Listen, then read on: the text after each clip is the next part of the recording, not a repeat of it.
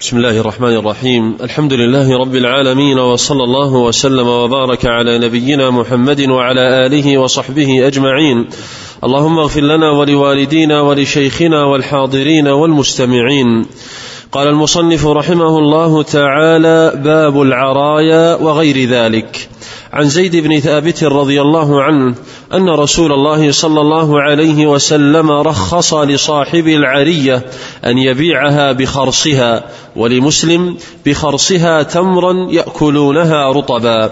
وعن أبي هريرة رضي الله عنه أن رسول الله صلى الله عليه وسلم رخص في بيع العرايا في خمسة أوسق أو دون خمسة أوسق. بسم الله الرحمن الرحيم. الحمد لله نحمده ونستعينه ونستغفره ونعوذ بالله من شرور أنفسنا وسيئات أعمالنا. ونشهد أن لا إله إلا الله وحده لا شريك له. ونشهد أن محمدا عبد الله وخليله ورسوله. أرسله رحمة للعالمين. فبلغ الرسالة صلوات الله وسلامه عليه وأدى الأمانة ونصح للأمة وجاهد في الله حق جهاده. آه هذا الباب باب العرايا. والعرايا منها ما يتعلق بأن يكون الناس محتاجين في أيام الرطب أن يشاركوا الناس في التلذذ بالرطب ولا يكون عندهم مال ويكون عندهم تمور باقية مكنوزة. أو يكون للشخص عرية وعيرها من النخل من حائط ويتضرر صاحب الحائط من كثرة مجيء صاحب العرية ودخول حائطه فيريد أن يفاوضه ولا مال نقد يشتري به. فرخص النبي صلى الله عليه وسلم في بيع العرايا. على خلاف بيع مثل هذه التمور لأن بيع التمر بالتمر لا بد أن يكون مثلا بمثل وزنا بوزن أو كيلا بكيل. وإذا بيع التمر على رؤوس النخل بتمر لدى المشترين يكون احتمال نقص التمر الذي في النخل واردا. والنبي سأل لما عرض عليه الأمر صلوات الله وسلامه عليه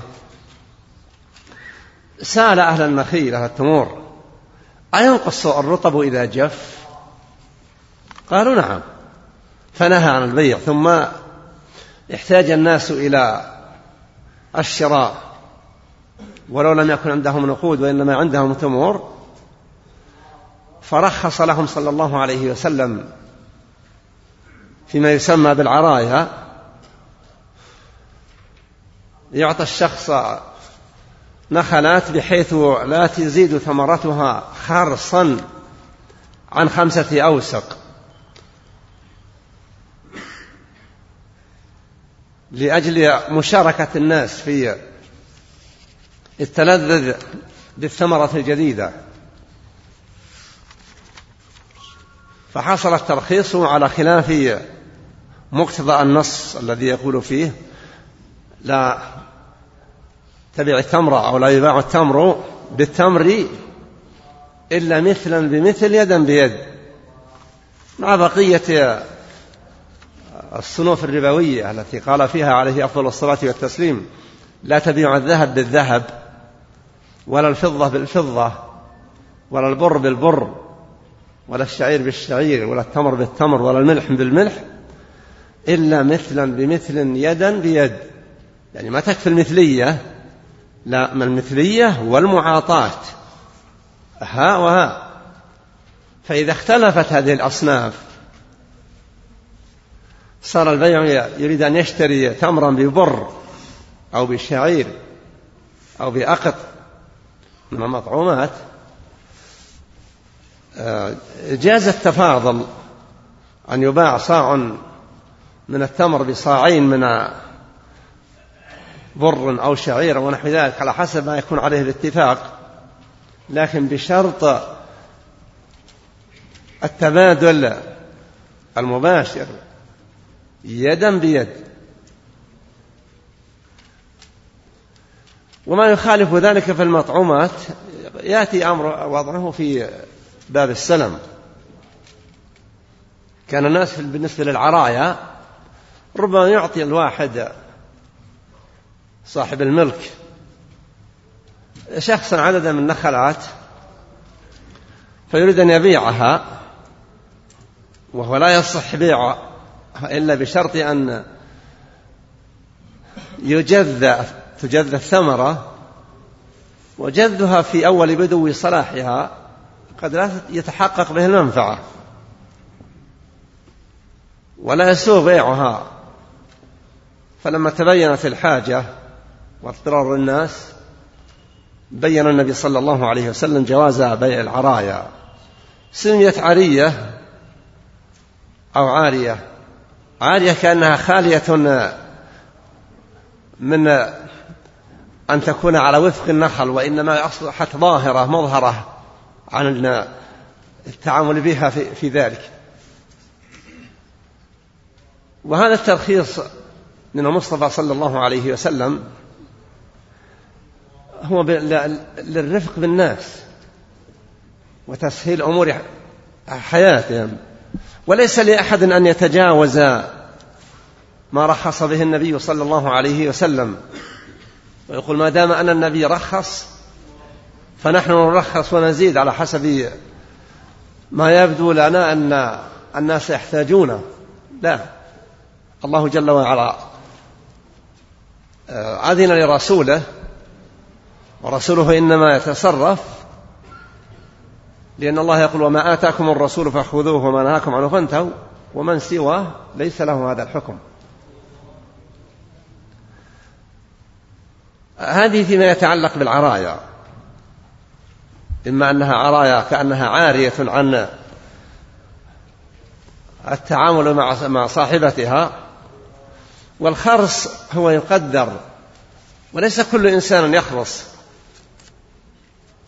الذين يخرصون النخيل والثمار من نخيل وزروع إلى آخره إنما هم أهل الخبرة في هذا الفن والشأن الذين يغلب على الظن أن أحدهم إذا قدر أن النخلة تساوي كذا وكذا بالوزن لا تزيد عما يقول إلا بالشيء القليل أو لا تنقص إلا بالشيء القليل فيتسا سامح فيما قد يفوق تقدير الخارص أو يقصر عنه من أجل تحقيق الرفق بالناس.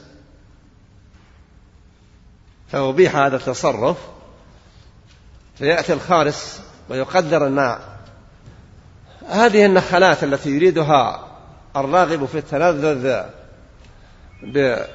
أكل الرطب مع الناس يأتي الخارج ويقدرها مثلا بثلاثة أوسق أو أربعة أو خمسة بحيث لا يتجاوز ما حده النبي صلى الله عليه وسلم. النبي حدد بخمسة أوسق أو دون ذلك. يعني الحد الأقل يجوز والزيادة لا تجوز. فالخارج يأتي ويقدر. وهذا معروف حتى في وقتنا هذا. إن الخرص من العارفين بخرص النخيل يندر أن يكون واقع الحال عند صرام النخل وجذاذها مخالفا لما قدره الخارص لكثرة خبرتهم ومعرفتهم بأحوال الثمار. ولذلك لا يصلح أن كل واحد يخرص وإنما يقدر الخرص من عرفوا بأنهم أهل خبرة في هذا الشأن. خمسة أوسق. أحسن الله. خمسة الأوسق هي بالموازين. الوسق في حدود 120 صاع تقريبا. فتكون لها الخمسة في حدود ستمائة صاع. هذه يندر أن يأكلها أهل بيت واحد.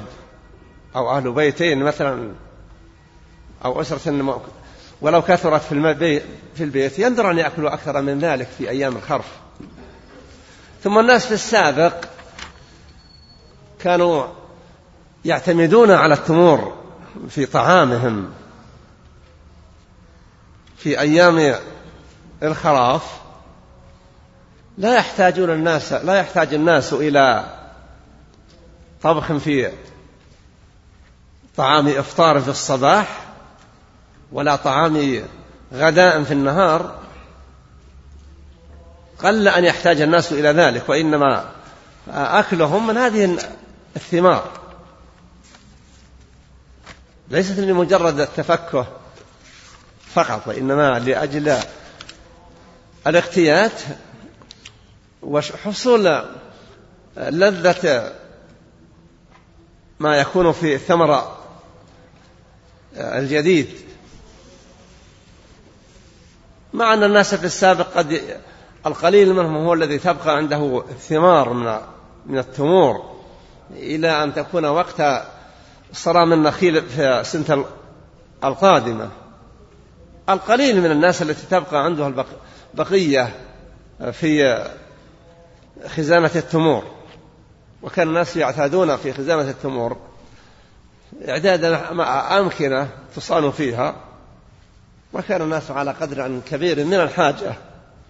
وقد تغيرت الأحوال كثيرا عن ذي قبل عند أكثر الناس وإن لم تكن عند الناس جميعا. نعم.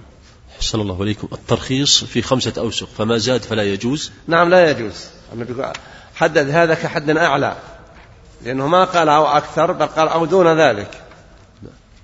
حسن الله إليكم. وعن عبد الله بن عمر رضي الله عنه رضي الله عنهما أن رسول الله صلى الله عليه وسلم قال من باع نخلا قد أبرت فثمرتها للبائع إلا أن يشترط المبتاع ولمسلم ومن ابتاع عبدا فماله للذي باعه إلا أن يشترط المبتاع. هذا فيما يتعلق بالتأبير. التأبير هو تلقيح النخيل إناث النخل من ذكران النخيل. وهو في الغالب معروف عند الناس في وقتنا هذا الذين لهم صلة بالنخيل. تجد في القديم الحائط يكون فيه مئة نخلة أو مئتا نخلة أو أكثر في حدود قل أن تجد حائطا يضم أكثر من ثلاثمائة نخلة في السابق. لأن أمور الناس كانت أمورا بسيطة محدودة. فتجد في النخل هذا يكون فيه إذ ذكر الفحال واحد أو اثنين أو ثلاثة وينذر أن يكون في الحائط ثلاثة فحول أو أربعة من النخل. آه، إذا بدأ النخل حمل وبدأ الطلع يتبين في النخيل عندما ينمو هذا الطلع ويبلغ حدا معينا ينفتح. الساتر للثمرة. الكفار وهو يسمى كافور أو كفار يعني سافر اسمه لغة بهذا الاسم من حيث اللغة. ينفتح هذا فإذا انفتح يوضع التأبير وخلى أن يسلم النخل سالما إلا بالتأبير النبي لما جاء للمدينة صلوات الله وسلامه عليه كانت مكة ليست بلاد نخل. والمدينة يثرب كانت بلاد نخيل. وجدهم يشتغلوا قال ما أظنه يضره لو لم تفعلوا. ففعلوا أو بعضهم أو, أو كلهم فلم يصلح. الثمر. فجاءوا إلى النبي صلى الله عليه وسلم وأخبروه. فقال أنتم أنا ما قلت لكم أن هذا لا يمنع وإنما قلت ما أظنه ينفع. ولكن أنتم أعلم بأمور دنياكم. ولا شك أن التأبير من أسباب صلاح الثمرة. وإذا لم تأبر النخلة وليس عندها فحال يمكن يأتيها من غباره شيء بإذن الله تكون قنوانها غير صالحة. لا تكون قد تلفت النواشز اللي في أصل مربضة الثمرة في كل شمراء وحتى كلمة شمراء هذه من اللغة العربية الفصيحة سمى القين قتل النخلة المتعثكل أو شماريخ جمع شمراخ لغة هذه كان فالناس يأتون بالثمر الفحال بعدما يستوي أيضا قنوع الفحل. إذا انفتح هو إذا وصل إلى حد معين ربما يفتحه يفتحه صاحب النخل. إذا غمز قنو الفحل وأحس بأن ما تحت الغمز له صوت حركة عرف أنه قد تفتحت الحبات التي في قنو الفحل. يفتح لكن الغالب أن قنوان الفحول هي تتفتح. فيؤخذ من قنو النخلة أجزاء وتوضع في قنو الأنافي. إما أن يربط القنو عليها أو توضع فيه بدون ربط. لكن القنو الذي لا يأتيه شيء وهو في نخلة واحدة وقد أبرت يسري عليه من غبار بقية القنوان التي أبرت. هذا هو الذي يقول فيه النبي صلى الله عليه وسلم من باع نخلا قد أبرت. فثمرتها للبائع إلا أن يشترطه المبتاع. إذا اشترى إنسان نخلا تشققت وأبرت ونص الحديث أبرت. فهذه الثمرة ما دامت أنها أبرت فهي للبائع.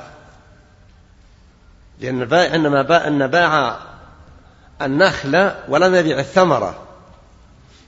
إلا إذا اشترط المشتري. قال اشتريت النخل وثمرته وما فيه من ثمرات مؤبرة. فيحتاج عند تملكه إلى الاشتراء التعبير هو ما ذكرته. أنه يوضع في القنو والعادة أن أصحاب النخيل عندما يتشقق قنو الفحل أو الفحال يجزون شماريخ القنو ثم يحملها من يتولى التأبير المؤبر للنخل يحملها معه. فما وجد من قنوان الأنثى متشققا وضع فيه عددا من الشماريخ ثم إن النخيل تختلف. بعض النخل تحتاج إلى زيادة في التعبير أكثر من بعض. فبعض النخل مثلا يكفي القنو الواحد ثلاثة شماريخ أو أربعة أو خمسة وبعض القنوان النخيل تحتاج إلى تلقيح أكثر. وسبحان الذي صرف بين مخلوقاته وما تحتاج إليه وما يحتاج منها. والناس الذين لا يعرفون النخيل ليسوا من أهل النخيل يظنون أنه إنما يصفح عليه شيء منها على النخلة شيء من على فرعها. من هذه القرن وانتهى لا. والأمر خلاف ذلك. فالتعبير هو ما يعتاده ويعرفه أصحابه القيام بهذا الشأن. هو كما هو معروف يكون في قنو الفحل الفحال مادة بيضة كأنها دقيق منعم في في طحنة. ثم قد ويكون فيه في بعض في كثير من الأحوال أن فيه رائحة كرائحة شيء من رائحة مني الرجال. ولهذا يقال أنه أيضا مفيد في هذه الناحية. فالنبي يقول صلى الله عليه وسلم فيما يتعلق بتعبير النخل من باع نخلا قد أبرت فثمرتها للبائع إلا أن يشترطه المبتاع المشتري. والحديث الثاني من باع عبدا وللعبد مال. أصل الأصل أن التملك من صفات أهل الحرية أهل الأحرار. والمملوك لا يملك إلا إن ملكه سيده مولاه ثم إذا ملك ما دام أنه ليس متأهلا لأن يملك صار إذا بيع هذا العبد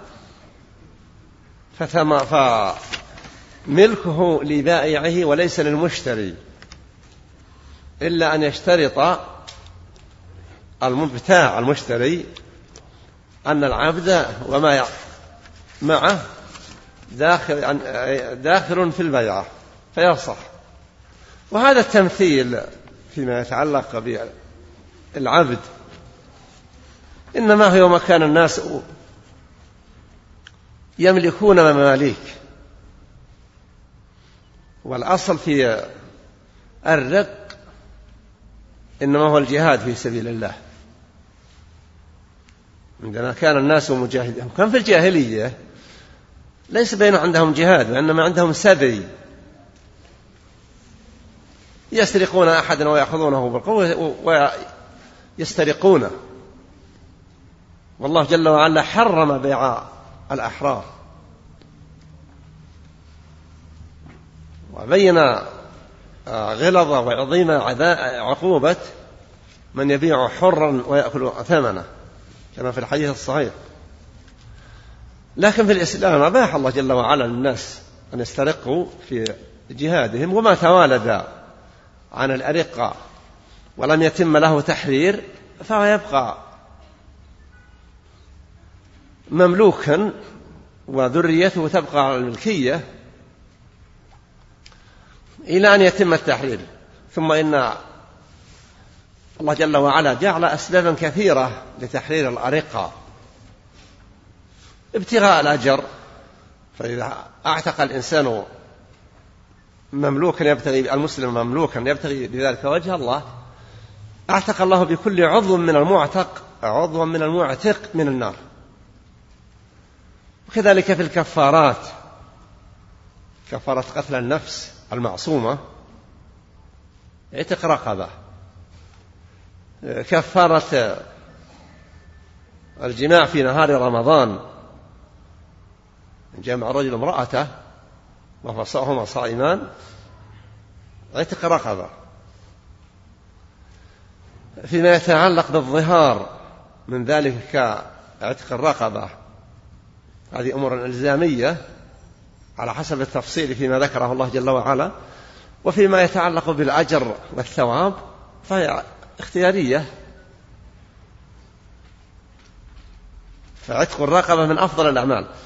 حتى إن الإنسان المسلم لا يصل إلى أن يبلغ في مجازاته لوالده أو والدته الجزاء المقابل لما لهما من حق عليه إلا أن يجد الولد والده من أب أو أم مملوكا فيقوم بشرائه وإعتاقه. وشرائه لأنه, لأنه لا يملك وإذا اشتراه عتق بالقوة ما أصر. فأسباب الحرية والإعتاق متوفرة. يوم كانت الرق متهيئا عندما كان المسلمون مجاهدين في سبيل الله عندما كانوا أعزة. وأما الآن فلو كان الرق مباحا لحصل استرقاق عدد كبير من المسلمين. الله. من عدوان الكافرين. وإذا لم يسترقوهم بالبيع والشراء استرقوهم في الهيمنة والتحكم في أمورهم. ولكن مع ذلك نسأل الله جل وعلا أن يفرج للأمة الإسلامية. ولا يمكن يتم أن يتم لها تفريج ما هي فيه من مذلة ومهانة إلا أن تعظم دينها الشرعي الذي جاء به النبي محمد صلى الله عليه وسلم. فإن الله لا يغير حال الناس من كرب وهم وذلة وقهر وخضوع للأعداء إلا إذا غيروا ما بأنفسهم بأن تابوا إلى الله صدقا وأخلصوا له في العمل. ولا بد من الصبر. ما تأتي التوبة. لو تابوا جميعا في ساعة واحدة ينتصرون على الكفر. لا. يحتاجون أيضا إلى أن يستعدوا لذلك. والله المستعان. حسن الله إليكم. هنا مسألة اشتراط المبتاع. حسن الله إليك. هل كل ما اشترطه المبتاع يحق له ذلك؟ نعم. لو فرض أن عند إنسان عبدا ومعه سيارة غالية الثمن أو رخيصة ثم باع هذا العبد الذي معه عنده وهذه السيارة مع هذا المبتاع مع هذا العبد. أو مع ملابس إلا الملابس التي مثلها لا بد له منها. فإنها تبقى مع المملوك. ومع ذلك لو أراد المشتري أن يغيرها بأرخص منها لأن المملوك ملكه. لا يملك ولا يستطيع أن يمتنع إلا عن الشيء الذي لا يحل شرعا للمقابل. فإذا اشترط البائع المشتري المبتاع إذا اشترط أن كل ما مع العبد من سلاح ومركب وأواني نوم وطعام وغير ذلك ومسكن أنها داخلة في البيع دخلت فيه. حسن الله إليكم. وعن عبد الله بن عمر رضي الله عنهما أن رسول الله صلى الله عليه وسلم قال من ابتاع طعاما فلا يبعه حتى يستوفيه وفي لفظ حتى يقبضه. وعن ابن عباس مثله. هذا فيما يتعلق بالبيوع. من ابتاع شيئا لا يبيعه حتى يتم له معنى القبض. والقبض بصفته فالطعام إذا كان لا يمكن أن يحوزه ويأخذه معه كأن يشتري محصولا زراعيا كاملا بعد أن تم درس المحصول ووضع وضعا كاملا واشترى هذا الشخص لا يبيعه حتى يحوزه بأن يخلى بينه وبينه. يستطيع أن يحمله أو أن يصرفه. في هذه الحالة يجوز له بيعه كذلك عندما يجلب طعام إلى البلد المشتري لما يجلب على البلد لا يبيعه حتى يحوزه هو. والحوز لا يشترط أن يكون أدخله في بيته أو أن يستأجر مخزنا ليضعه فيه. وإنما أن يحوزه بحيث يكون باستطاعته أن يتصرف فيه بنقل أو هبة أو توزيع وتفريق صفقات فيه. لا بد أن يكون امتلاكه له واستيلاؤه عليه عملا يتحقق معه كامل تصرف المشتري. أحسن الله إليكم. وعن جابر بن عبد الله رضي الله عنهما أنه سمع رسول الله صلى الله عليه وسلم يقول عام الفتح إن الله ورسوله حرم بيع الخمر والميتة والخنزير والأصنام. فقيل يا رسول الله أرأيت شحوم الميتة فالميته فإنه يطلى بها السفن ويدهن بها الجلود ويستصبح بها الناس. فقال لا هو حرام. ثم قال رسول الله صلى الله عليه وسلم عند ذلك قاتل الله اليهود. إن الله لما حرم عليهم شحومها جملوه ثم باعوه فأكلوا ثمنه. قال جملوه أذابوه.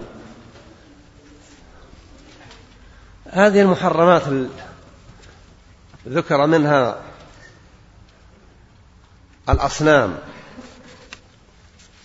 فلا يباع الصنم على أنه صنم ولا يجوز للشخص أن يشتريه. على شكل صنم. ولنفرض أنه ذهب. إذا أراد أن يشتري على أنه ذهب لا بد أن يشتريه بعد أن يزول ما فيه من وصف اتخاذه صنما. كذلك فيما يتعلق بالشحوم شحوم الميتة. لما قال النبي عليه الصلاة والسلام ما قال أراد الصحابة أن يبينوا أن هذه الشحوم ليست توكل حتما. وإنما يراد أن تذاب ثم تطلى بها السفن حتى لا يحصل في السفن خراء فساد. لأنه إذا طليت بهذه الأدهان الودك صار يمنع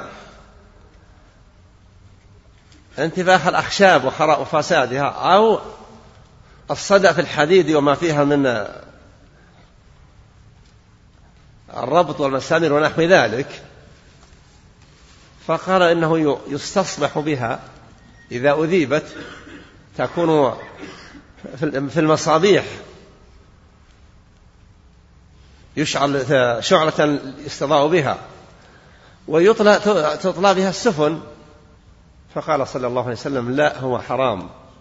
ثم قال قاتل الله اليهود وفي لفظ لعن الله اليهود.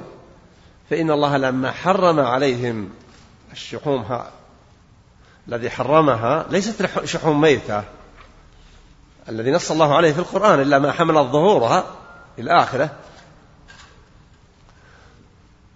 اليهود لخبثهم ومكرهم وحيلهم الفاسدة صاروا يجملونها أي يذيبونها ثم يبيعونها ويأكلون ثمنها. وهم أصحاب حيل خبيثة ماكرة كما فعلوا فعل جزء منهم لما حرمت عليهم الأسماك في يوم السبت. ومنعوا من الصيد يوم السبت. وابتلاهم الله جل وعلا. فصارت الحيتان يوم السبت لا تأتي إلى الساحل.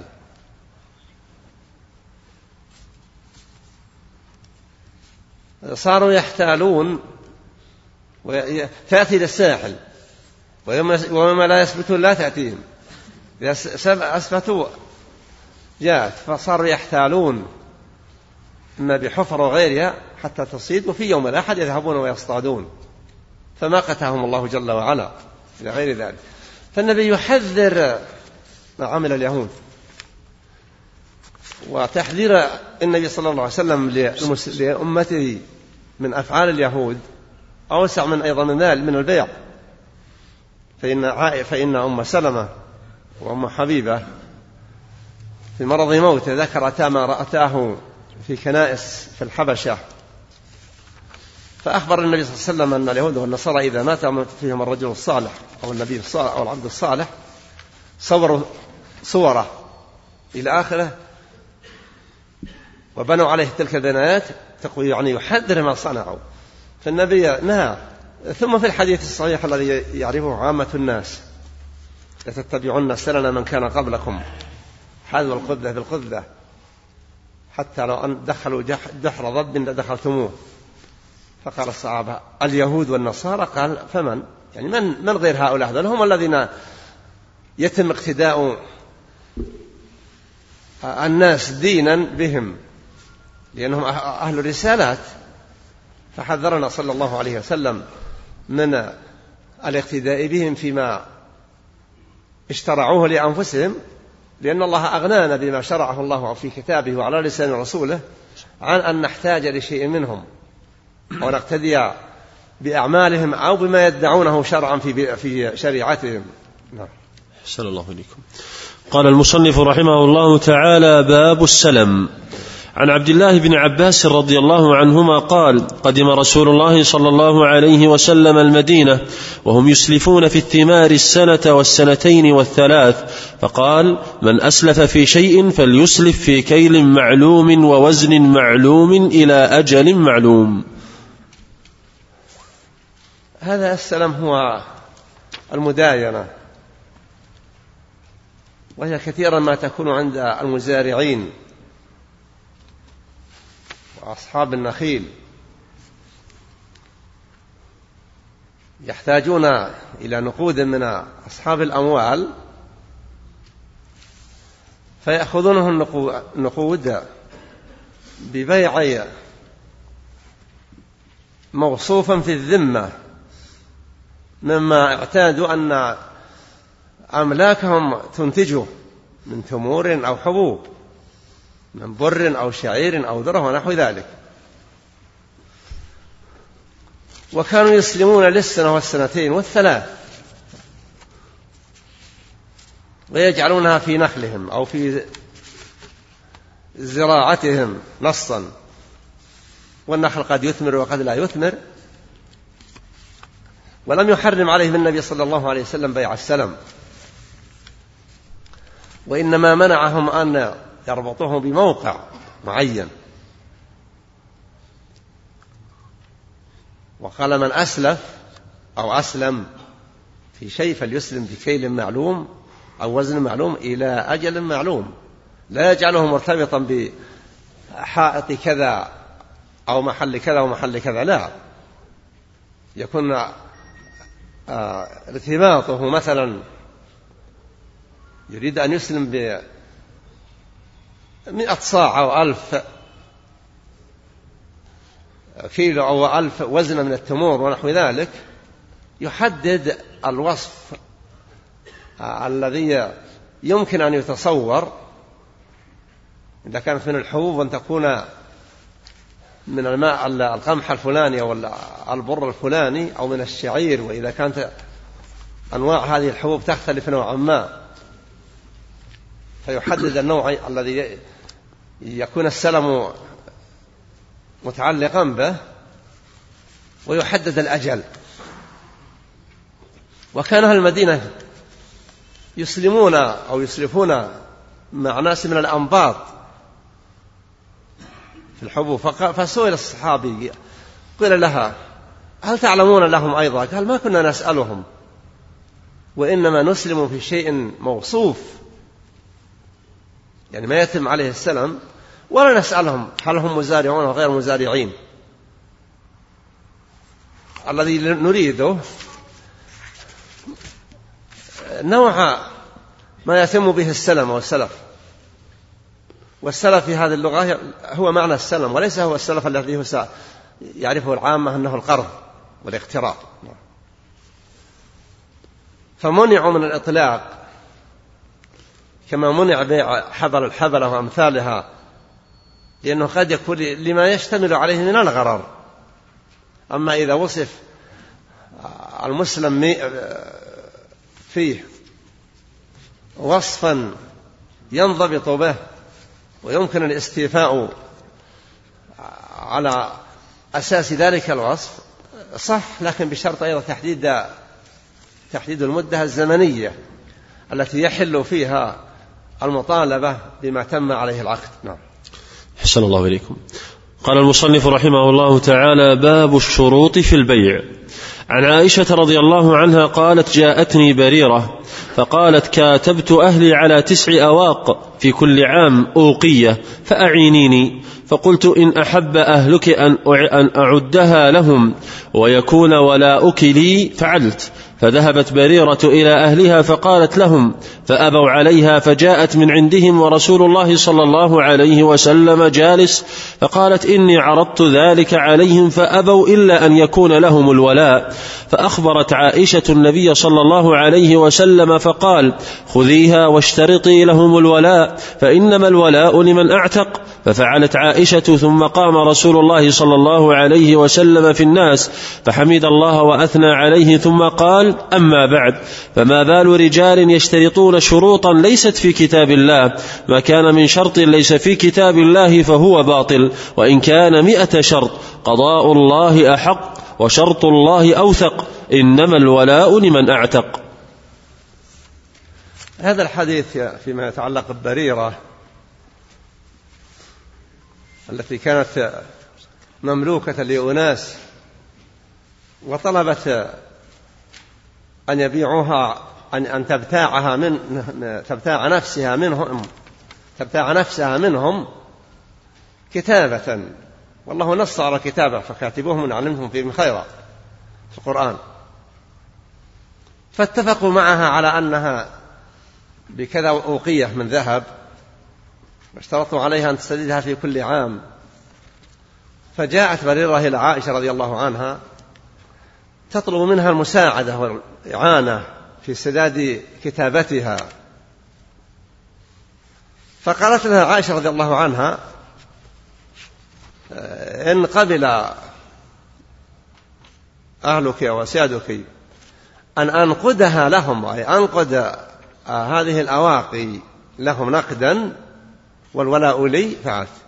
فذهبت الجارية إلى أسيادها وقالت لهم أن عائشة تقول أنها آه، ترغب أن تنقد الكتابة كاملة لكم والولاء يكون لها.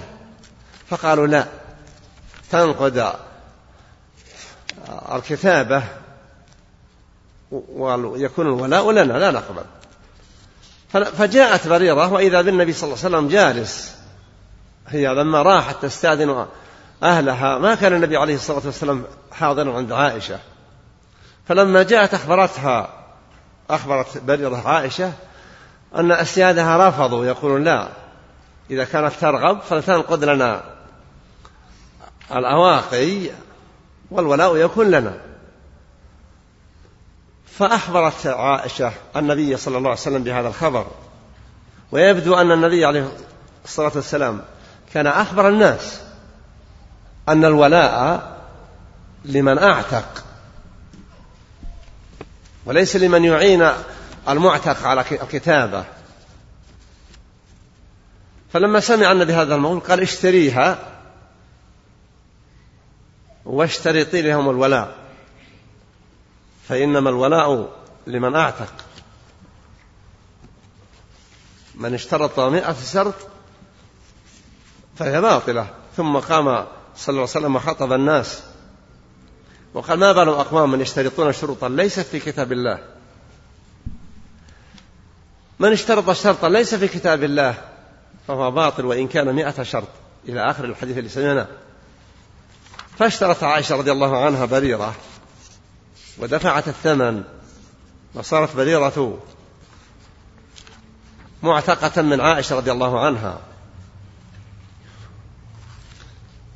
ولا شك أن النبي ما قال ما قال وغضب ذلك الغضب إلا أن آه، أصحاب بريرة يعلمون الحكم أن الولاء لمن أعتق. لكنهم ظنوا أن الاشتراط يؤثر ويحول الولاء ممن دفع الثمن إلى مشترطه البائع. فأكد ذلك النبي صلى الله عليه وسلم. وبقت بريرة وكانت بريرة مزوجة من عبد وهي إذا اعتقت تملك نفسها وكان حريصا على بقائها زوجة له وهي ترفض فأراد النبي أن يشفع له. عند بريرة فقالت لا أريده. فنصحها النبي فقالت إن كنت تأمر فالسمع والطاعة قال لا إنما أنا شافع. قالت لا أريده. ثم فارقته فالمملوكة إذا أعتقت وهي تحت زوج مملوك فإنها تملك نفسها إن شاءت أن تبقى معه. بقيت وإذا رضيت بالبقاء صار ذلك ملزما لها. وإن شاءت مفارقته فهي تملك المفارقة. وهذا إنما ينظر إليه يبحث في أمره. لو كان الرق سائدا في الأمة الإسلامية ولو كانت الأمة الإسلامية قائمة بالأعمال التي تقتضي الرق فالله المستعان. أحسن الله إليكم. وعن جابر بن عبد الله رضي الله عنهما أنه كان يسير على جمل فأعيا فأراد أن يسيبه فلحق فلحقني النبي صلى الله عليه وسلم فدعا لي وضربه فسار سيرا لم يسر مثله ثم قال بعنيه بوقية. قلت لا. ثم قال بعنيه فبعته بأوقية واستثنيت حملان حملانه إلى أهلي. فلما بلغت أتيته بالجمل فنقدني ثمنه.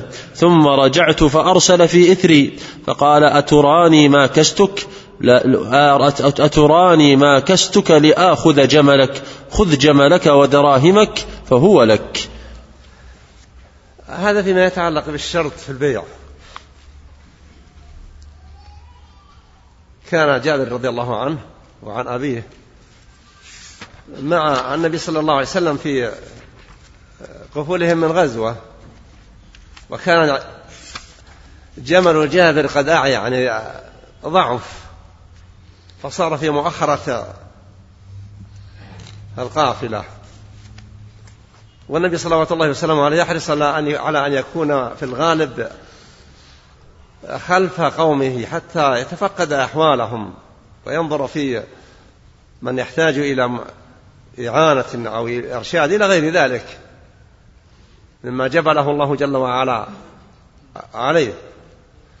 فسأله فأخبره أن جمله يا فدعا النبي صلى الله عليه وسلم للجمل بأن يسير سيرا جيدا وضربه بسوط معه صلوات الله وسلامه عليه.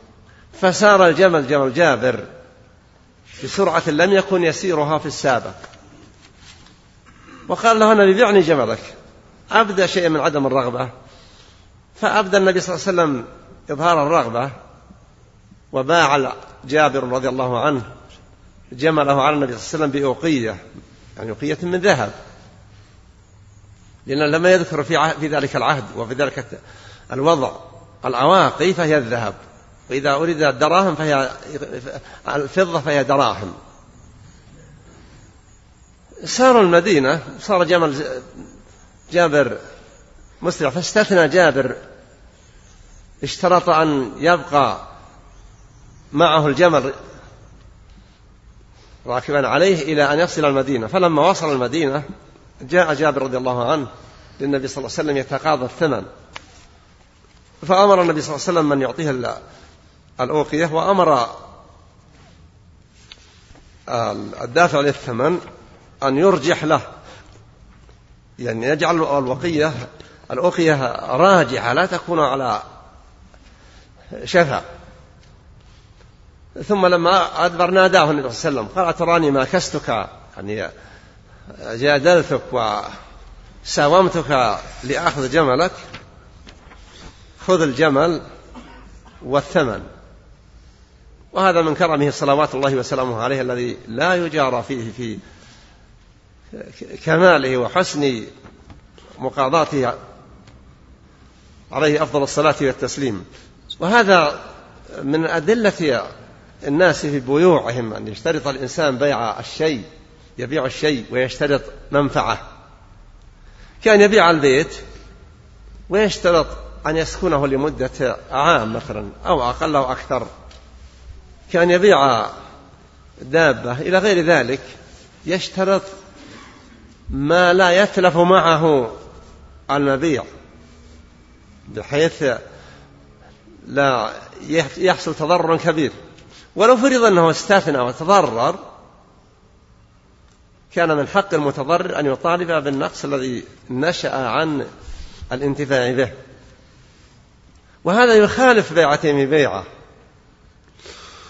بيعتين في بيعة لا تصح. لكن هذا اشتراط من البائع على المشتري. وقد يكون قد يكون أيضا اشتراط على المشتري في أمر آخر كما في قصة البراء بن عازب.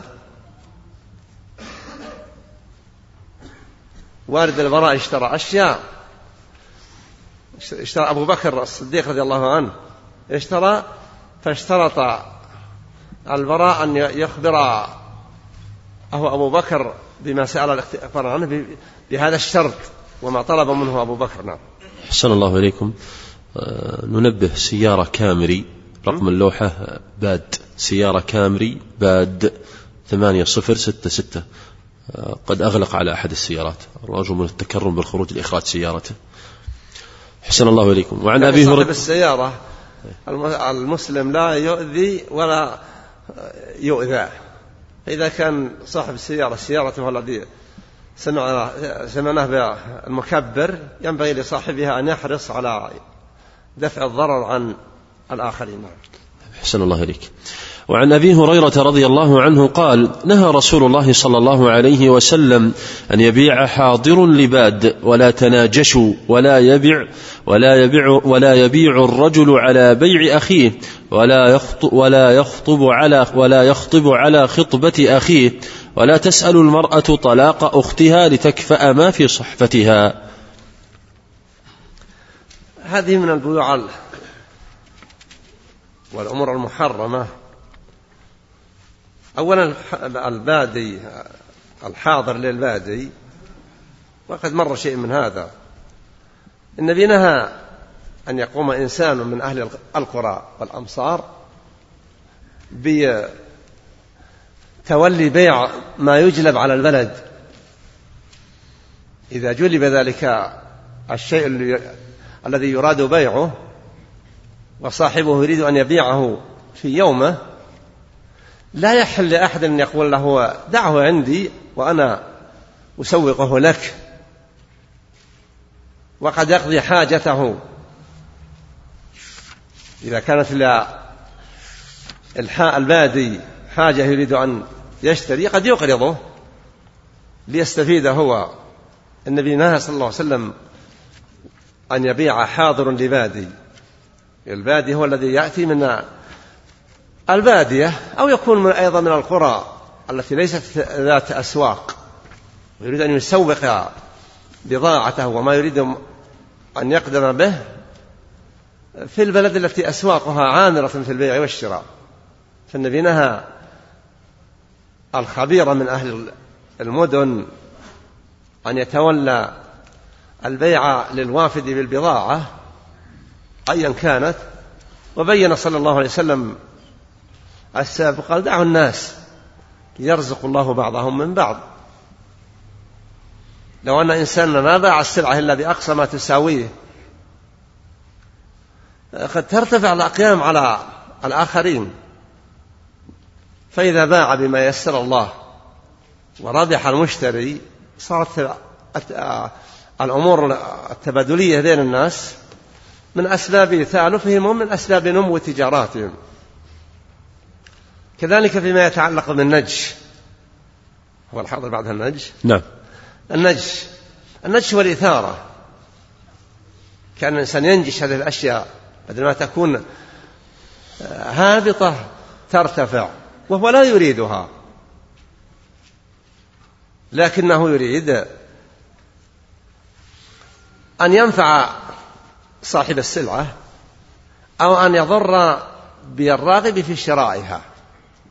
وهو لا يريد هذا ارتكب أمرا محرما عليه فلا يحل والعقد لو تم على هذا المقتضى يكون عقدا باطلا إلا إذا تراضى الطرفان على إقراره وقبوله لأن الأمر يخصهما. وهذا كثير وقوعه بين الناس. يأتي إنسان عنده سلعة أو مكان يريد أن يستأجره فيأتي آخر ويقول عندي لك محل أحسن من هذا وأقل أجرة. هذا المنع إذا حصل هنا نوع توافق بين البائع الراغب في البيع والراغب في الشراء أو بين الراغب بالتأجير والراغب بالاستئجار أما بمجرد يأتي الشخص يطلب سلعة ما. ويسأل عن السلع ويقول أحد عندي سلعة بكذا وعلى إلى آخره فهذا ليس معه. لكن إذا شعر أنه لو لم يتكلم اشترى هذا الراغب هذه السلعة التي عند فلان لا يحل لهذا أن يقول لا أنا أبيعك مثلها بأقل ثمنا منها أو أبيعك أفضل منها بنفس الثمن إلى آخره. فهذا النجش المحرم. حتى ولو كان الإنسان أراد أن يضر الآخرين ويريد أن لا مانع لديه أن يشتري إذا أراد أن يضر أهل السوق أو الراغبين في الشراء. قد تأتي بضاعة فيتقدم شخص يريد أن بيعها فيأتي شخص ويرفع الثمن. وكلما سيمت رفع. هو لا يريده وإنما يريد حرمانهم. هو بهذا التصرف يكون قد ارتكب أمرا محرما. كذلك بالنسبة للخطوبة. لا يخطب أحد على خطبة أحد. شخص علم أن فلانا خطب بنت فلان فيذهب إلى فلان ويقول لا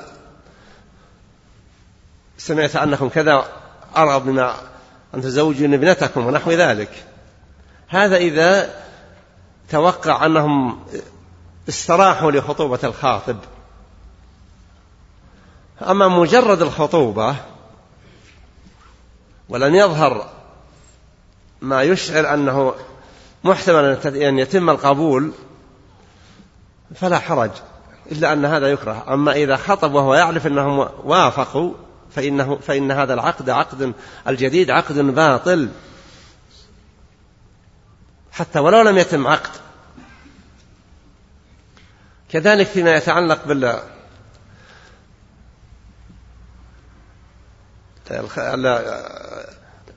المرأة تسأل طلاق أختها. المرأة لا يحل للمرأة إذا خطبها رجل. وهذا ذو زوجة أخرى أن تقول لا مانع لكن بشرط أن تطلق فلانة. هذا أمر محرم. إذا أرادت وقبلت التزوج به فتترك أمر الثانية. وأما أن تقول لا مثلك يرغب فيه لكن أنت عندك زوجة ولا يمكن تطلقها وإلا لا أقبل فإن هذا عمل محرم لا يحل. ولو فعلت إن لم يقل هذا بمثابة الزنا فإنها حرية ألا تفوز بأي توفيق. نسأل الله الهداية. قال المصنف رحمه الله بين كأنما هي في تريد أن تكفي صفحة صحفتها أي ما يكون سبب عيشها واستقرارها عندما تطلب من الراغب بها أن يطلق زوجته كأنما هي تسعى لإكفاء صحفتها وإذهاب ما رزقها بسبب هذا الشرط الفاسد السيء. نعم. وهذا الشاهد من ذكر هذا الحديث في هذا الباب أحسن الله عليك كيف؟ هذا الشاهد المؤلف عندما ذكر في باب الشروط. نعم. هذا الشاهد يصح نعم شاهد الله لا أحسن الله إليك شيخ. قال المصنف رحمه الله تعالى باب الربا والصرف. عن عمر بن الخط... عن عمر بن الخطاب رضي الله عنه قال قال رسول الله صلى الله عليه وسلم الذهب بالورق ربا إلا هاء وهاء والبر بالبر ربا إلا هاء وهاء والشعير بالشعير ربا إلا هاء وهاء. هنا في الحديث الذهب بالورق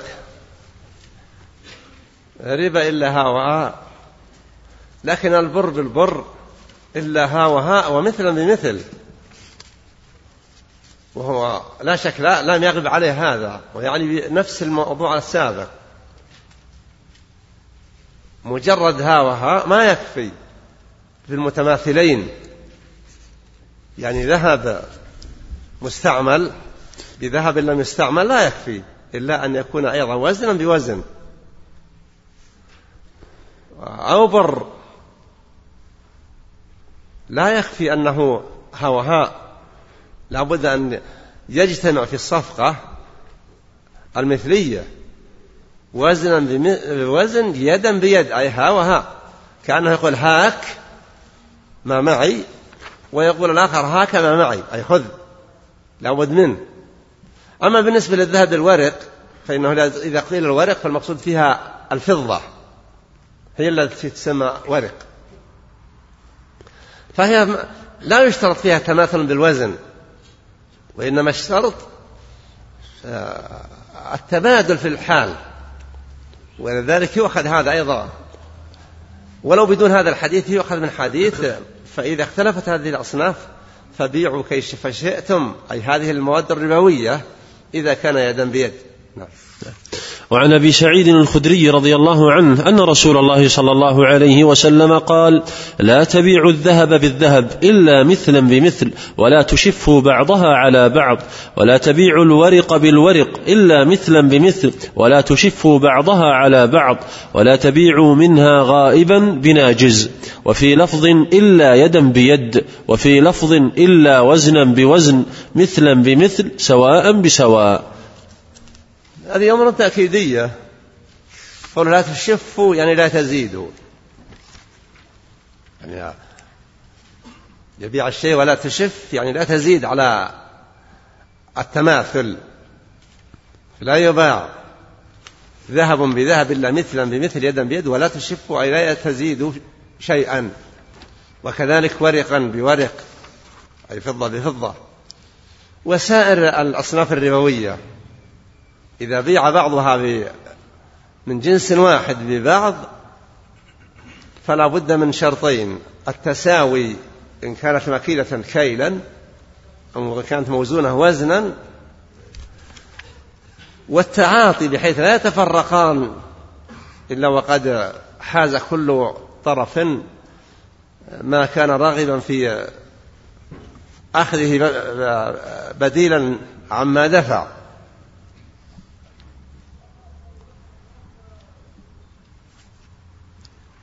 هذه أمور مع الأسف يحصل غلط في كثير من الناس. يأتي الشخص ويشتري شيء من هالنوع هذا ثم يقول الآن ما معي بقية المبلغ آتيك فيها مساء أو صباحا أو غدا يريدون أن تتم الصفقة. لا حتى ولو كانت المسافة قريبة لا يتم البيع إلا هذا. ولذلك لما حصل شخص من الصحابة في المدينة يريد أن يصرف دنانير بدراهم. وافق أحد الصحابة رضي الله عنهم أجمعين وقال حتى يأتي خازننا من الغابة. الخازن الذي عنده المبلغ الذي يمكن يدفع في المصارفة الدراهم لصاحب الذهب. فقال عمر رضي الله عنه أوه عين الربا لا لا تفترقان حتى يتم بينكم التعاطي. يحصل كثير من هذا فيما يتعلق ببيع النساء وشراء الذهب في الأسواق. فيحتاج الواحد فيما يتعلق بأهله وبيته أن يبين لهم عدم جواز التفرق في هذه الصفقات إلا عند تمام أعمال التبادل. يدفع هذا ما يريده ثمنا ويأخذ ما يريد ما يطلبه من السلع وبدون ذلك لا يتم بينهما بيع ولا يعتبر. ومن ومن أراد أن يتساهل فهو يتجرأ على ارتكاب ما حرم الله ورسوله صلى الله عليه وسلم. ولا تبيعوا منها غائبا بناجز يعني يأتي واحد يريد يحتاج إلى صرف. يريد أن يأخذ مئة ريال يتصدق ببعض النقود ولكن ما معه شيء. يقول أنا أعطني مئة ريال أم ريال وأنا سأتيك بالمئة الريال ذات المئة. لا يحل أن يعمل بهذه الطريقة أو غير ذلك. ولكن ذكرت هذا الصرف لأنه في بعض الناس يحصل هذا في بعض الأماكن. يريد الواحد يعطيها الفقير خمسة ريالات أو عشرة وليس معه إلا فئة خمسمائة. والذي يريد أن يسهل له الأمر ما عنده ما يقابل الخمسمائة كاملا. فيقول ليس عندي مثلا إلا مئة ريال أو مئة وخمسين أو مئتين. أعطيك إياه وأشوف الخمسمائة وأسددك. هذا أيضا من الصرف المحرم بهذه الطريقة. أحسن الله إليكم. استأذنكم في عرض بعض أسئلة الإخوة. هذا السائل يقول هل في حديث بريرة رضي الله عنها دليل على جواز البيع بالآجل أي بيع السلعة آجل مع زيادة في سعرها؟ هذا ما يسمى بالكتابة. المملوك إذا أراد أن يشتري نفسه من أسياده تسمى بالكتابة وهو مملوك ما بقي عليه درهم. هذا الفقه يقولون عنه آه، هو قن ما بقي عليه درهم يعني حتى يسدد جميع الكتابة. فهذه مكاتبة وليست بيعا. إنما في ظاهرها إذا سدد لهم الأسياد هذا المبلغ من الثمن المقدر أو العمل المقدر قد يكون الشخص مملوكا فيشترط المالك أن يقوم ببناء هذا البيت. وقد يكون المملوك حاذقا بالبناء فتهيأ له. أو قد يكون يغرس كما في قصة سلمان الفارسي رضي الله عنه. فإنه لما أراد أن يبيع أن يشتري نفسه من اليهودي تم الاتفاق بينه وبينه على غرس فسيل النخل. والقصة معروفة لما أراد قال النبي لا تبدأ حتى أحضر. صلوات الله وسلامه عليه إلى آخره. فهذه الكتابة ليست في حكم البيع. ما دام أن المملوك لم يسدد الوفاء فهو على أصل الملكية والتبعات التي تكون وتترتب عليه إنما هي على سيده حتى يتم سداد ما عليه فبريرة لما رأت عائشة رضي الله عنها أن تدفع عنها ودفعت صارت بريرة مولاة لعائشة رضي الله عنها ولذلك لما قدم للنبي صلى الله عليه وسلم طعام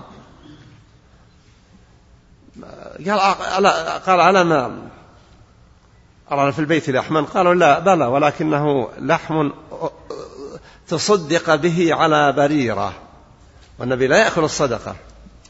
فقال صلى الله عليه وسلم هو على بريرة صدقة ولنا من بريرة هدية. نعم. أحسن الله لك إذا جواز بيع الآجل بزيادة في السعر؟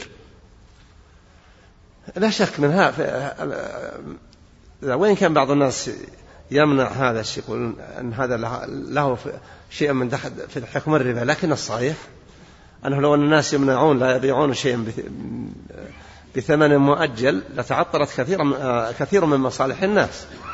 فيجوز للإنسان أن يبيع ما يساوي مئة بمئة وعشرين مثلا بأقساط منجمة أي محددة. وكلمة منجمة عند الأولين إذا طلع النجم الفلاني حل القسط كذا والنجم الفلاني وهكذا يعني على قصدهم في ذلك تحديد المدة الزمنية نعم. أحسن الله إليكم. يقول ما حكم من يبيع السلعة الواحدة بسعر يتفاوت بين الناس مراعيا حال بعضهم من فقر وغنى إذا كان يبيع عنده سلع ولنفرض أنه يبيع فرش أو ألحفة أغطية لا يبيع على الذين وسع الله عليهم إلا اللحاف بمئة. وإذا جاءه الفقير باع عليه بخمسين أو تسعين. هذا من الإحسان إلى الآخرين. كذلك إذا كان السعر عنده لا يبيع إلا بهذا السعر لكن بعض الناس يتسامح ويخفض له. ما دام عن طيبة نفس فلا حرج في ذلك. ويدخل في باب لا يحل مال امرئ مسلم إلا بطيبة من نفسه. نعم. أحسن الله إليكم. هل يجوز بيع الذهب المستعمل بالذهب الجديد مع الفرق؟ وذلك لأن المستعمل منها متهالك. بشرط أن يكون الوزن وزن الذهبين واحدا. لا يكون هذا المتهالك أزيد لكن لأنه فقد الصنعة فيحتاج إلى ذهب أكثر. لأن هذا داخل في حكم ولا لا تبيع الذهب بالذهب إلا مثلا بمثل يدا بيد. وإن أجاز بعض العلماء قال أن الصنعة يكون لها شيء من الحق. لكن يسهل على المشتري بأن يشترى منه ما معه من ذهب ويباع عليه ما يريده من ذهب آخر. أحسن الله إليكم. يقول هل يجوز بيع جرام ذهب حلي بجرام ونصف ذهب خام؟ هذا نفس السؤال السابق. لا يصح بيع الذهب المصنع بذهب تبرا. يعني حال كونه تبر لم يصنع. إلا وزنا بوزن. أحسن الله إليكم. يقول إذا كان مع شخص مبلغ مئة ريال وأراد شخص أن يستبدلها بفئة العشرات عشرة ريالات وبقيت عشرة ريالات فقط أي سلمه تسعين ريالا فقال هذا ولم يكن معه عشرة فقال هذه في ذمتك دينا حتى أتيك في وقت لاحق لآخذها. هل يجوز هذه الحالة؟ لا لا يجوز. إذا أراد يقترض اقتراضا منه. وهذه تحصل للأسف خاصة وربما تحصل في الحرم. يأتي الشخص يبي يتصدق لن يدفع مبلغا كبير وليس معه سبب فيريد أن يقترض من أحد. يقترض يريد صرف. فيقع في المحذور. ينبغي أن الإنسان يحذر الوقوع في الأشياء المحرمة. حسن الله إليكم. هل من بيع الحاضر بالباد أصحاب وكالات السيارات للشركات الأجنبية؟ لا هذه غير شيء. هذه تختلف. هذه الشركات الأجنبية. أما إذا جاءت الشركة الأجنبية بالسيارات تريد أن تجلبها في البلد وتبيعها تنصرف راجعة إلى بلادها فهي داخلة في حكم الحاضر والبادي ولكن إذا كانت الشركة المنتجة تتعامل مع متعهد يتولى استلامها وحفظها والعناية بها وبيع كل ما يراد بيعه في وقته عند الشراء على حسب ما يتفق كالحال التي تقع الآن في الوكالات التي تكون ممثلة لبعض الشركات المصنعة. فهذه لا تدخل في هذا الشيء. نعم. أحسن الله إليكم. لو اشترى صاحب العرية الرطب بتمر هل يجوز له أن يبيعه على شخص آخر أو يبيع جزءا منه؟ لو فعل لصعب منعه لكن الأصل أن التقيد بأصل السبب الذي من أجله رخص في العرايا ينبغي أن يعتنى بذلك بحيث لا يتجاوز. أحسن الله إليكم. يقوم يقول هذا السائل يقوم بعض الأشخاص في بعض الجهات الحكومية كالجامعات وغيرها بالتفاهم مع مزودي التجهيزات المكتبية وغيرها التي تشتريها تلك الجهات الحكومية منهم بصرف نسبة من القيمة الإجمالية للمشتريات حتى يتم إرساء هذه الصفقة مع المزود. هل هذا يجوز؟ كيف؟ يعطونهم يلزمونهم بصرف نسبة من القيمة الإجمالية للمشتريات. اللي يلزم بالنسبة من أيهم؟ حتى يتم إرساء هذه الصفقة عليهم. اللي يطلبهم بهذا الشيء المشتري. نعم.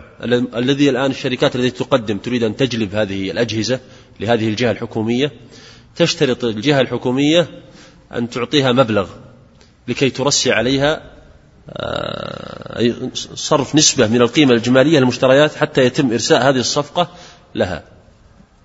اللي تطالب بهذا المقدار نفس الشركة نفس الجهة الحكومية. الجهة الحكومية. نعم. إذا اتفقت هي على الأمر لا حرج في ذلك. نعم.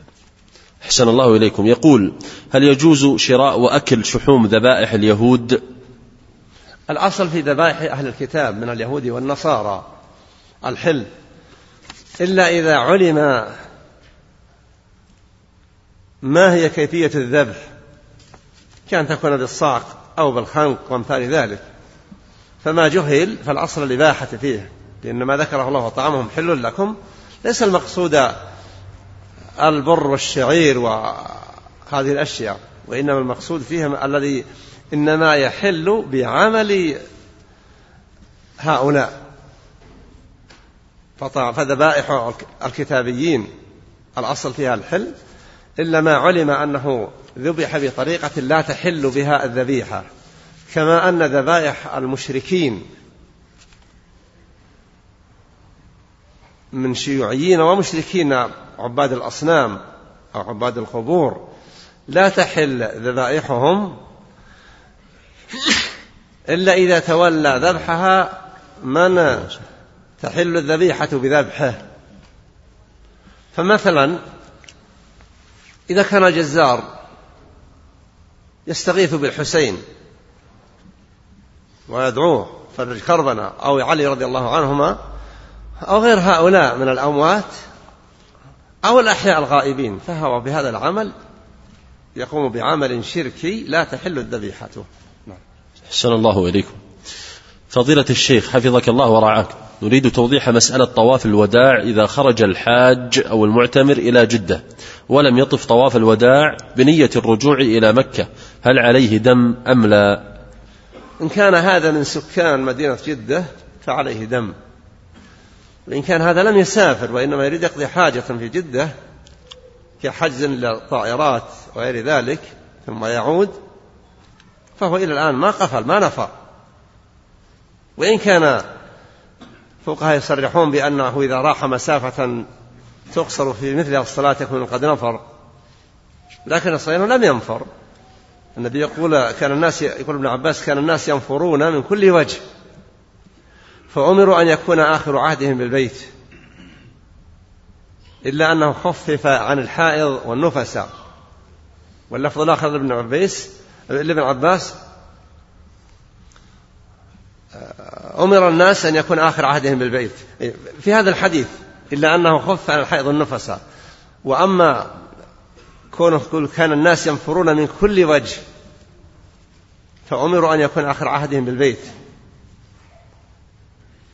يقصد أن أهل الجبال ينفرون إلى جبالهم وأهل نجد يتوجهون إلى نجدهم وأهل الشمال كذلك وأهل تهامة فأمروا أن يكون آخر عملهم طوافا بالبيت.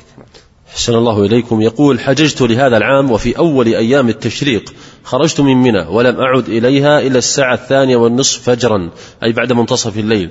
فهل علي شيء؟ إذا كنت ما عدت للساعة الثانية ونصف بدون أي سبب فأنت في الحقيقة قد أخللت بما بيت ليلة الحادي عشر. أليس الحادي عشر؟ نعم. وأما إذا كان ذهبت لتقضي الحج والطواف إلى آخرة فعاقك عوائق. ولم يتيسر لك فلا شيء عليك. نعم. يقول بعد طواف الوداع لم أتسنن ركعتين بعد إكمال الطواف فما حكم ذلك؟ ركعتا الطواف ليست واجبة وإنما هي سنة مؤكدة. من صلاها يكون أدرك أجرها إن شاء الله ومن لم يصلها لا شيء عليه هي من النوافل إلا أنها من النوافل المؤكدة. نعم. أحسن الله إليكم. هذا يقول يا شيخ ما رأيك بما يحدث في منتدى خديجة بنت خويلد رضي الله عنها في جدة من اختلاط وغيره ودعوة إلى قيادة المرأة وغيرها بحجة أن خديجة رضي الله عنها كانت عندها تجارة لا شك أن هذا منكر وعمل قبيح وسيء. ومن أقبح أيضا ما فيه ما تحدث به الموظف في هيئة مكة. وما تحدث عنه فيما يتعلق بالاختلاط وغير ذلك. وهذا مما يؤسف له. وأرجو أن الجهة المسؤولة لا تتركوا مثل هذا الشيء ثم أن تصريح مثله بفتاوى. هي مخالفة لما صدر من ولي الأمر ألا يفتي إلا من يكون مؤهلا للفتيا مما نص عليه في الأمر الملكي. فهو في حد ذاته هم أساءوا إلى خديجة رضي الله عنها زوج رسول الله صلى الله عليه وسلم. أساءوا إليها في هذا العمل السيء لو كانت حية ما رضيت بهذه القبائح. ثم نفس الشخص الذي يدعي وهو غير الغامدي نفس صالح كامل. يعني قرأت ما كتب الجريدة إذا صحت نسبتها إليه فهو أيضا جرأة على القول في شرع الله مع عدم الأهلية في ذلك. لكن لا أعتقد أن الجهات المسؤولة والله الحمد تغفل حتى لو لم تصدر عقوبة. ظاهرة. لا تترك مثل هذه أن تمر بهذه الجرأة السيئة الحمقى. والله المستعان. أحسن الله إليكم. نحن اليوم أحسن الله إليكم في آخر يوم من أيام هذه السنة وهذا العام. فترد كثير من الأسئلة منها ما حكم التهنئة بالعام الجديد؟ ليس لذلك أصل بتاتا. ثم العام الجديد لم يكن عرف أن أول السنة أول يوم من محرم في عهد النبي صلى الله عليه وسلم. ولم يكن في عهد أبي بكر الصديق. فالتحديد هو تحديد اصطلاحي من الصحابة رضي الله عنهم وأجمع عليها المسلمون حقيقة مع أن الهجرة لم تكن إلا في شهر ربيع. فالتاريخ إنما هو اصطلاحي وربطه في الهجرة بالسنة التي هاجر فيها النبي صلى الله عليه وسلم هو لا, في لا شك أنه ربط لبداية حال الأمة الإسلامية من وضع إلى وضع آخر. لكن التهنية في الأشياء التي يراد منها أنها أن ذلك قربة من القرب يحتاج إلى نص صريح من المشرع صلى الله عليه وسلم ولا وجود لشيء من ذلك البتة أحسن الله عليكم. أيضا هذا يسأل يقول ما حكم ختم العام بعمل صالح كاستغفار ونحو ذلك؟ بما ترد إلينا من رسائل الجوال. ينبغي للإنسان أن يختم كل يوم ذلك اليوم بالاستغفار والتوبة. ولا يكتفي يقول والله الليلة هذه هي ليلة واحد من شهر محرم من عام 32 وأربعمائة وألف. لا يجب أن يكون كذا. لا. تعهد نفسك كلما أمسيت. تذكر ما تذكر من ذنوب فاستغفر الله وتوب منها. وتذكر ما تذكر من إحسان وبر فاسأل ربك أن لا يكون آخر بر تقوم به وأن لا يكون آخر عمل تلتمس به مرضات ربك جل وعلا. ثم الليلة هذه ليست ليلة الاثنين ولا ليلة الخميس ولا ليلة الجمعة. يعني ليست لها مزية كبيرة في خلال الأسبوع. نعم. أحسن الله إليكم. يسأل هي في هي ليلة إذا صحت ليلة أول يوم محرم والنبي صلى الله عليه وسلم آه، ذكر أن أفضل الصيام بعد رمضان شهر الله المحرم. نعم. أحسن الله إليكم. وبالمناسبة لكن ما يأتي يوم عاشوراء إلا إن شاء الله اجتمعنا مرة ثانية. إن شاء الله تعالى. يقول ما حكم نزع الخف؟ هل ينت... هل ي... هل يكون سببا لانتقاض الطهارة؟ نزع الخف مجرد نزع الخف هل ينقض الوضوء؟ نعم إذا مسح على الخف وقدمه ثم نزع الخف فهذا في الحقيقة يعتبر من نواقض الوضوء. يعني هذا آه، الخف الذي مسح عليه ونزعه كأنه لم يمسح. لأن الممسوح عليه قد زال. نعم. أحسن الله إليكم. هذا منكر قد هناك انتشر. من يقول بخلاف ما أقول ما قلته الآن أنا لكن يعتقد أن هذا هو الصحيح. نعم. أحسن الله إليكم. يقول هذا منكر قد انتشر بين الناس وقل الإنكار فيه وهو مما عمت به البلوى. ألا وهو حلق اللحية؟ فهل هي كبيرة من الكبائر؟ أحسن الله إليكم. وما توجيهكم حيال ذلك؟ أولا هل النبي صلى الله عليه وسلم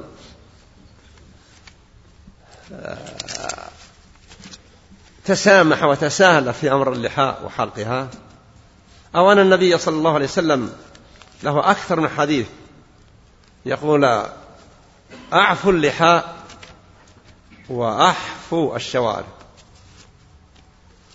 والحديث الآخر أعفوا اللحاء وجزوا الشوارب. فنجد الشوارب لها أكثر من وضع.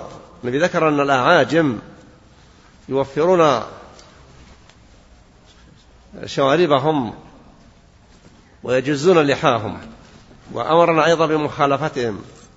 فلا شك أن من خالف أمر النبي صلى الله عليه وسلم وارتكب منهيه أنه يكون قد ارتكب معصية. لا شك أن المعاصي تختلف. منها كبائر ومنها أكبر كبائر. والنبي ذكر لما قال ألا أنبئكم بأكبر الكبائر؟ قالوا بلى. قال الشرك بالله وعقوق الوالدين. وكان متكئا فجلس. وفي لفظ أخبرهم بأنها الشرك بالله وعقوق الوالدين والسحر وقذف المحصنات المؤمنات الغافلات وأكل مال اليتيم إلى غير ذلك. فالكبائر كثيرة. أعظمها الشرك بالله جل وعلا. ثم إنه أيضا لا صغيرة مع الإصرار. صغائر الذنوب إذا استمر الناس وساروا عليها قد تنقلب كبائر وقد يكون تكاثرها سببا في مرض القلب أو عمل بصيرة. فالإنسان إذا وقع في ذنب لا يقول ينبغي أن يقول الناس كلهم يفعلون هذا الشيء. لا أحسن وإن أساء الناس. أزجر نفسك عما لا يليق وإن تجرأ الناس عليه. فنسأل الله أن يهدي ضال المسلمين في كل مكان. آمين. آمين. أحسن الله إليك يا شيخ. أحسن الله إليك.